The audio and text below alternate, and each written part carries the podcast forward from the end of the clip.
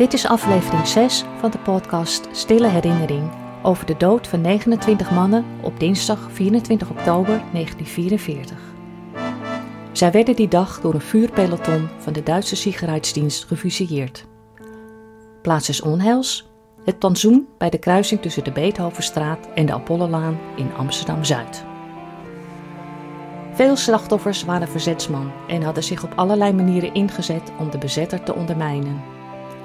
Moed, rechtvaardigheidsgevoel en vaderlandslievendheid dreven hen. Enkele slachtoffers waren onschuldig en waren alleen opgepakt omdat ze op het verkeerde moment op de verkeerde plaats waren. Allen waren weerloos. In negen podcastafleveringen beleven we de aanleiding voor de fusillade, de uitvoering en de gevolgen voor nabestaanden. Ze zijn samengesteld op basis van feiten uit boeken, getuigenissen van nabestaanden, het Nederlands Instituut voor Oorlogs, Holocaust en Genocidestudies en het Nationaal Archief.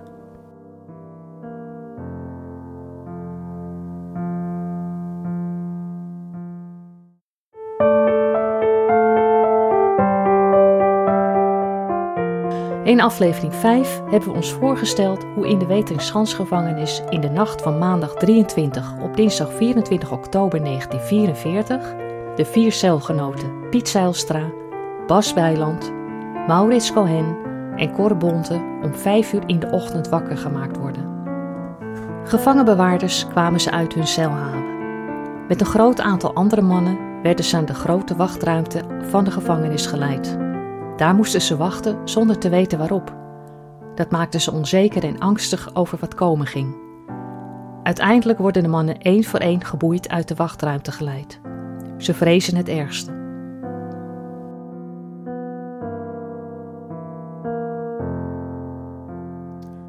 De laatste gevangenen lopen onder bewaking vanuit de wachtruimte de donkere binnenplaats van de gevangenis op. Er staan drie grote vrachtwagens. De mannen voelen de koele wind tegen hun gezicht blazen. Ze genieten ervan. Ze ruiken de geur van de stad en ademen hem achter elkaar diep in. Dan worden ze een open vrachtwagen ingetrokken en op de bank geduwd. Gewapende soldaten klimmen er ook in en gaan op de bank tegenover de gevangenis zitten. Ergens roept iemand: 29. Er zijn 29 gevangenen in drie vrachtwagens geladen.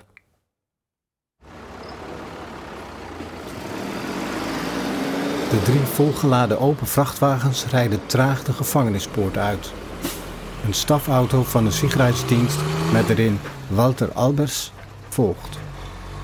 In hun ooghoeken zien de gevangenen de donkere, stille stad aan zich voorbij trekken. Een enkele vroege fietser passeert. Even flitst het door hen heen dat ze wel van plaats zouden willen verwisselen. De vrachtwagens bewegen zich naar de lange overtoom en rijden die helemaal af. Vandaar rijden ze de even lange en hobbelige Amstelveense weg op. De eerste trams zijn al hoorbaar op weg naar hun beginpunt. Ze piepen langdurig in elke scherpe bocht. De mannen zien de donkere contouren van het Olympisch Stadion. Het konvooi draait de Apollo-laan op. Niemand van de 29 mannen heeft enig idee waar ze heen gaan. Dan naderen ze een afzetting. Het wemelt er van de Ordnungspolizei. Zo vroeg al. De vrachtwagens minderen vaart en passeren langzaam. Ze blijven in hetzelfde trage tempo doorrijden. Er klinken in het Duits commando's. Overal staan gewapende soldaten. De sfeer wordt onheilspellender. Sommige mannen verstijven of beginnen te trillen. De ochtendfrisheid die tijdens de rit door hun dunne kleding is gedrongen voelt nu onaangenaam. Met een schok staat de eerste vrachtwagen stil. De andere twee parkeren ernaast. Meerdere mannen kijken op. Ze ruiken een brandlucht en zien in het donker een rode gloed op de plek waar de resten van twee woonhuizen smeulen. Een paar muren staan nog half overeind, de rest is verdwenen. Er lopen grote gewapende soldaten rond. Hun contouren zijn tegen de achtergrond van het smeulende vuur goed te zien en ogen angstaanjagend. De soldaten springen uit de vrachtwagens en blijven op straat staan, hun wapens op de gevangenen gericht. Op elke vrachtwagen blijft één soldaat staan. Alle gevangenen moeten blijven zitten. Het is kwart voor zeven. Walter Albers is in zijn auto gebleven. Hij is zo geparkeerd dat hij uitzicht heeft op de drie vrachtwagens, waarin hij vage contouren van gebogen hoofden kan zien. Ze bewegen nauwelijks. Albers oogt volkomen onbewogen. Hij steekt een sigaret op en leunt achterover.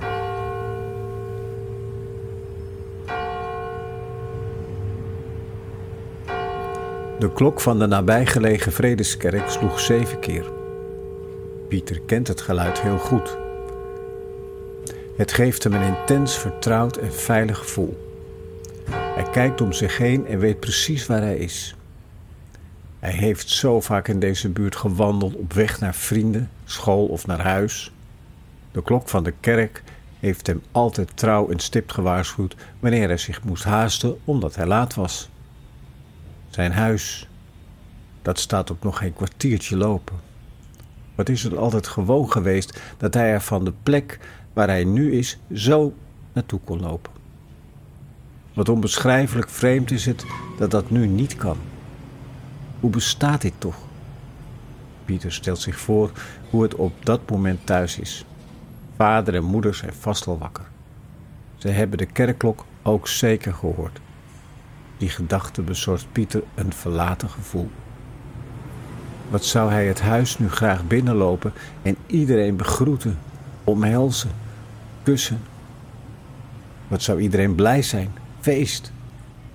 Hij denkt aan zijn jongere broertje Arnold, zijn slaapie met wie hij altijd in het tweepersoons opklapbed in de achterkamer de nacht doorbracht. De gezichten van al zijn broers en zussen lichten in zijn wezen op. Hij ziet zijn lieve grootmoeder, die op de eerste verdieping woont, met zijn tante Cor. Wat hebben ze vaak plezier gehad in het huis. Pieter herinnert zich de vele familiefeesten waarbij altijd zo uitbundig gezongen werd, onder leiding van vader. Vader en moeder. Wat houdt hij intens veel van ze. Pieter voelt weer onrust in zich opkomen, maar deze keer laat hij het gaan. Het brengt hem niet meer uit balans. Hij blijft kalm en helder.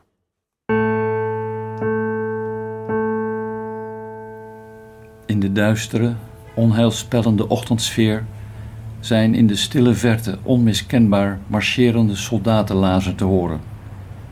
De 29 mannen spitsen de oren. Wat het allemaal te betekenen heeft, is steeds minder een vraag. Vele lippen bewegen in stilte. Het is kwart over zeven. Gewapende soldaten op straat houden de schaarse wandelaars en fietsers aan. Het zijn mannen en vrouwen die vroeg op weg zijn naar hun werk. Ze worden bij elkaar gedreven in de buurt van de schuilkelder die in de brede middenberm van de Apolloland staat. De schuilkelder is voor een deel in de grond gegraven. Een aarde taluut van ruim anderhalve meter hoog moet mensen bescherming bieden tegen bomscherven. Sommige voorbijgangers verzetten zich tegen hun aanhouding en praten op opgewonden toon tegen de soldaten. Ik moet mijn winkel openen en nog heel veel doen voor er klanten komen, klinkt het geïrriteerd. En mijn baas wacht op mij. Snapt u dat niet? Het helpt allemaal niets. De soldaten voeren onverstoorbaar hun taak uit. En er vormt zich een groeiende groep voorbijgangers bij de schuilkelder. Ze worden omringd door soldaten die hun wapens dreigend gericht houden.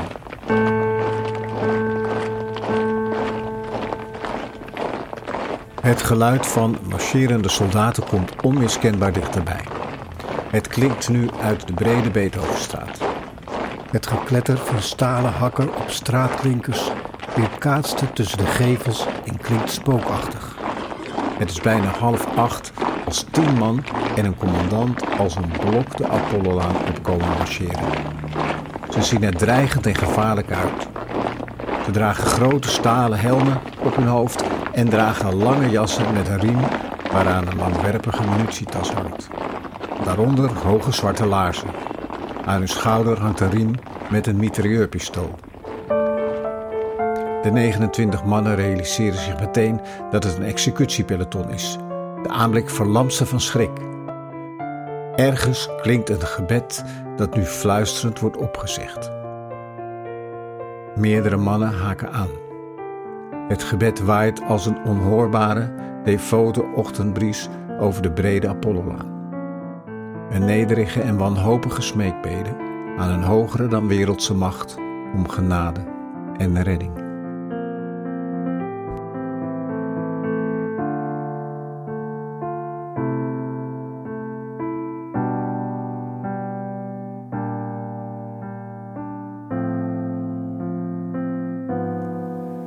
In het westen is een streep zwak licht ontstaan die een zonsopgang aankondigt. Sommige van de 29 mannen in de vrachtauto's kunnen het zien en staren er zwijgend naar. De tien soldaten van de Sicherheidsdienst marcheren richting de schuilkelder. Achter hen commandant Ferdinand Vierman. Enkele uren daarvoor was hij bij het dode lichaam van Herbert Eulschlegel, dat in de Beethovenstraat lag. Hij geeft zijn peloton commando's en even later stelt het zich op een rij tegenover het taluut van de schuilkelder. Er is zo'n drie meter tussenruimte. Achter hen een grote groep gedwongen toeschouwers, die wordt omringd door een aantal ordnungspolizei.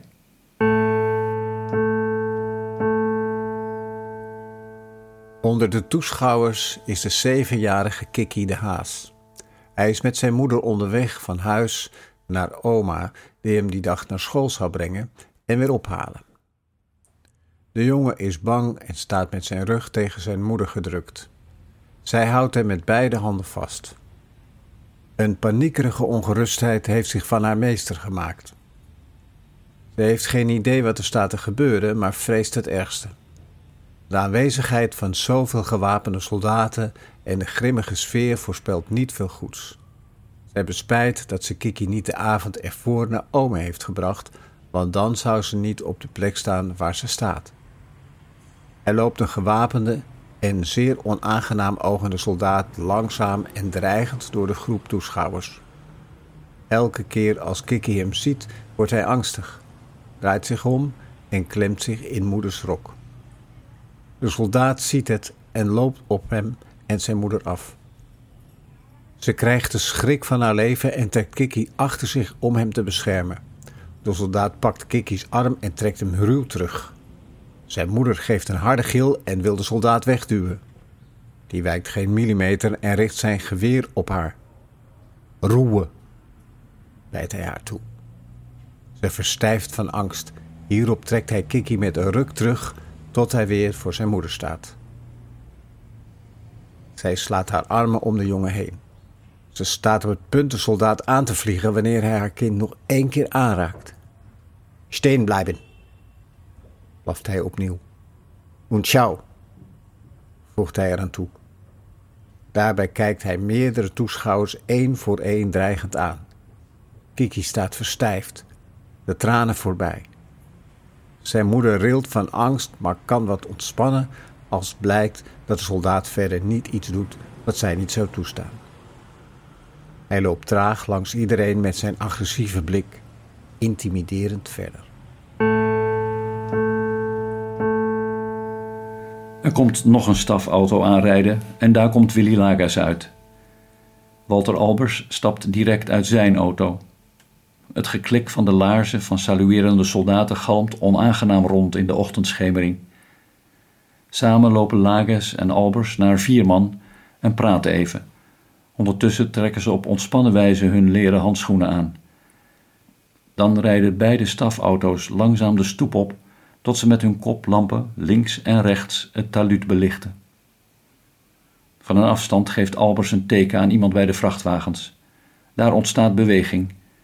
Er komt een groep soldaten in looppas aangelopen. Ze vormen een haag van de vrachtwagens tot aan de schuilkelder. Dan gaat de achterklep van de eerste open en vijf gevangenen worden er hardhandig uitgetrokken. Omdat ze aan elkaar geboeid zijn, vallen ze over elkaar de vrachtwagen uit en op de grond. Ze krabbelen snel weer op. Hun blik is verwilderd en schreeuwt stille doodsangst uit. Dan komen er nog vijf mannen uit. Ze worden aan de andere vijf geboeid. De eerste man krijgt een duw van een soldaat in de richting van het schuilkelder Talut. Dicht bij elkaar, als een stel geketende en verwilderd rondkijkende dieren, lopen de tien achter elkaar en langzaam tussen de haag soldaten door.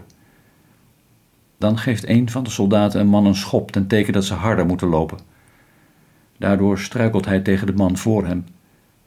Dat is Bas Bijland.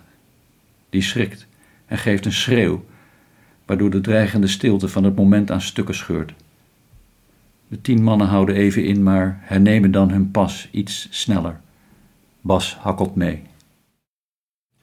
De tien mannen staan met trillende benen en schuddende armen tegen elkaar aan. Felle autolampen beschijnen ze en doet ze met hun ogen knijpen en knipperen. Tegenover zich zien ze de contouren van de tien grote, angstaanjagende, gehelmde soldaten met hun geweer in de aanslag. De mannen zoeken bescherming bij elkaar die er niet is. Walter Albers loopt naar ze toe en geeft met zijn gehandschoende hand losjes de aanwijzing dat ze naast elkaar moeten gaan staan. Dan steekt hij zijn arm uit en krijgt van een collega een papier aangereikt. Hij begint hardop in het Duits te lezen. Het is een doodvonnis, met als oorzaak de liquidatie van SD'er Herbert Eulschlegel. Hij eindigt met Führers bevel. De meeste mannen hebben nauwelijks gehoord en zeker niet verstaan wat er is gezegd. Eentje wel. Het is de 33-jarige Joop van Andel. Hij is de enige man die geen verzetstrijder is. Van Andel is een bekende van de politie die al een paar weken vastzat vanwege een roofoverval. Hij roept tegen Albers dat hij onschuldig is. De Duitser reageert niet, waarop Van Andel een paar keer harder roept dat hij onschuldig is. Andere mannen ontspannen wonderlijk genoeg toch wat en gaan vier overeind staan met hun borst vooruit. Dan stapt er een soldaat naar voren met blinddoeken. Hij gaat voor elke man staan en houdt de blinddoek voor ieders gezicht. Van Andel is de eerste. Hij blijft jammerend herhalen dat hij onschuldig is. De soldaat loopt door. Na Van Andel weigeren alle mannen met een afgemeten nee een blinddoek. Lages knikt naar Vierman. Die roept: Aanlegen! De tien soldaten leggen hun pistoolmitrailleur geroutineerd op hun schouder. Elke soldaat richt zijn wapen op de hartstreek van de geboeide man tegenover hem. Welke plek dat precies is, hebben sommigen gisteravond nog van een legerarts geleerd. De afstand is drie meter. Van Andel verklaart nog één keer zijn onschuld en zwijgt dan verstikt.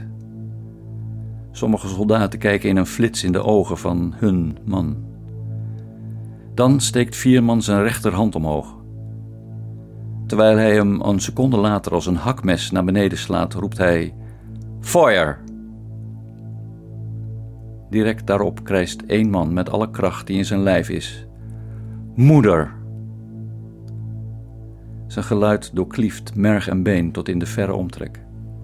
Niemand kan er tegen bestand zijn.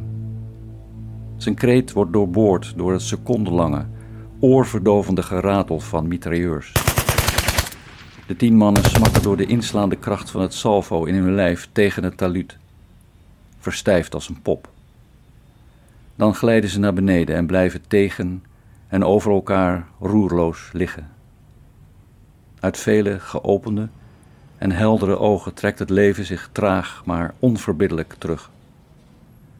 Hun laatste ademtocht vermengt zich met de koele morgenwind. Het is doodstil.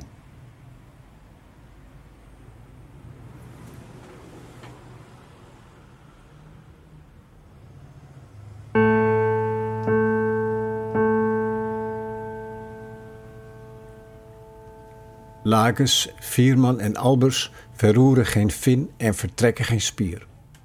Er treden twee mannen naar voren. De een is oberstabsarts en de ander sanitator, een soort ziekenverzorger. Hij kijkt Alberts aan en wanneer die knikt, loopt de sanitator naar de tien slachtoffers. Hij buigt zijn dikke lijf over hen heen. Bij elke man kijkt en luistert hij enige ogenblikken ter hoogte van de hartstreek en de mond. Dan treedt hij terug en knikt naar de arts. Die loopt snel nog een keer langs de doden. Terwijl hij ja knikkend langs Albers loopt, gaat hij weer snel met de sanitator op zijn plek staan.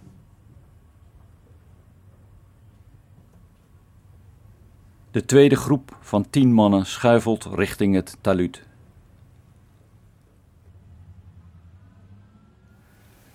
Ze ogen sterk en kalm.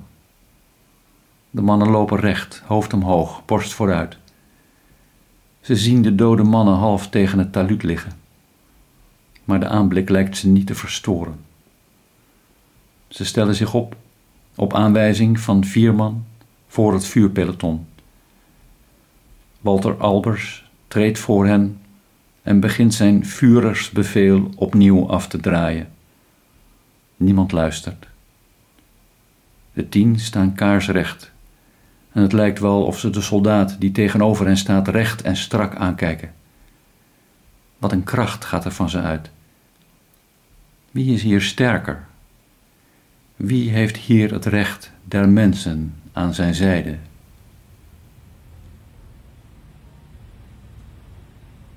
Albers treedt opnieuw terzijde wanneer Vierman voor de tweede keer zijn arm heft en het bevel fire geeft.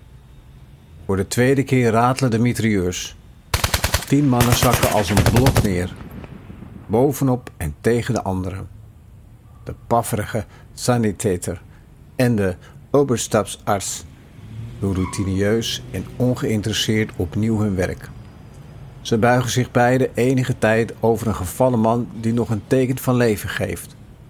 Ze maken een handgebaar naar Veerman, die daarop naar de achter hem staande ST'er Ernst Wener knikt. Die trekt zijn revolver en loopt naar de man toe die de arts aanwijst. Van dichtbij schiet Wener de man ijskoud een kogel door zijn hoofd en wandelt kalm terug naar zijn plaats. Ondertussen bergt hij zijn revolver zorgvuldig terug in het holster. De toeschouwers gruwen, krimpen ineen en wenden zich af. De intense haat tegen de bezetter neemt bijna onbeheersbare proporties aan. De rondlopende soldaat maakt het nog erger door mensen grof aan te stoten met de kol van zijn geweer. En daarbij blaft hij ze toe te blijven kijken. En zo niet, dan kunt er u euch allen Gefangenen anschließen. Vrijwel in shock trachten de toeschouwers overeind te blijven staan en te voldoen aan de weerzinwekkende opdracht.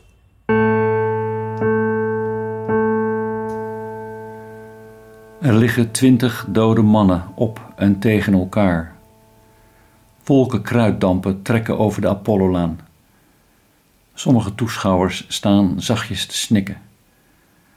Achter de ramen van de huizen aan de Apollolaan kijken bewoners door de kier van gesloten gordijnen op van de zenuwen toe. Ze staan doodsangsten uit. Misschien wordt hun zoon, kleinzoon, broer of echtgenoot, die de vorige avond is afgevoerd, ook wel doodgeschoten.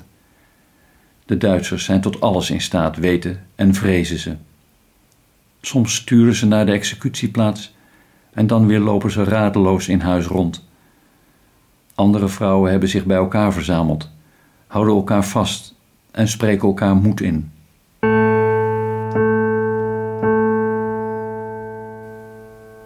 De druppels bloed die uit de geschonden lichamen lopen, vloeien samen tot een klein stroompje dat zich mengt met herfstbladeren.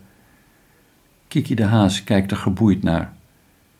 Zijn moeder heeft zijn muts een kwartier geleden ongemerkt wat verder over zijn ogen geduwd, zodat hij alleen maar naar beneden kan kijken. Van de executie heeft hij niets gezien. Zijn moeder wel. Ze oogt geschokt en verslagen.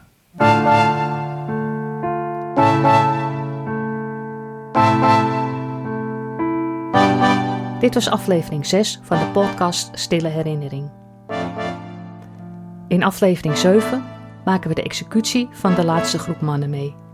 We horen ook wat er met de 29 dode lichamen gebeurt.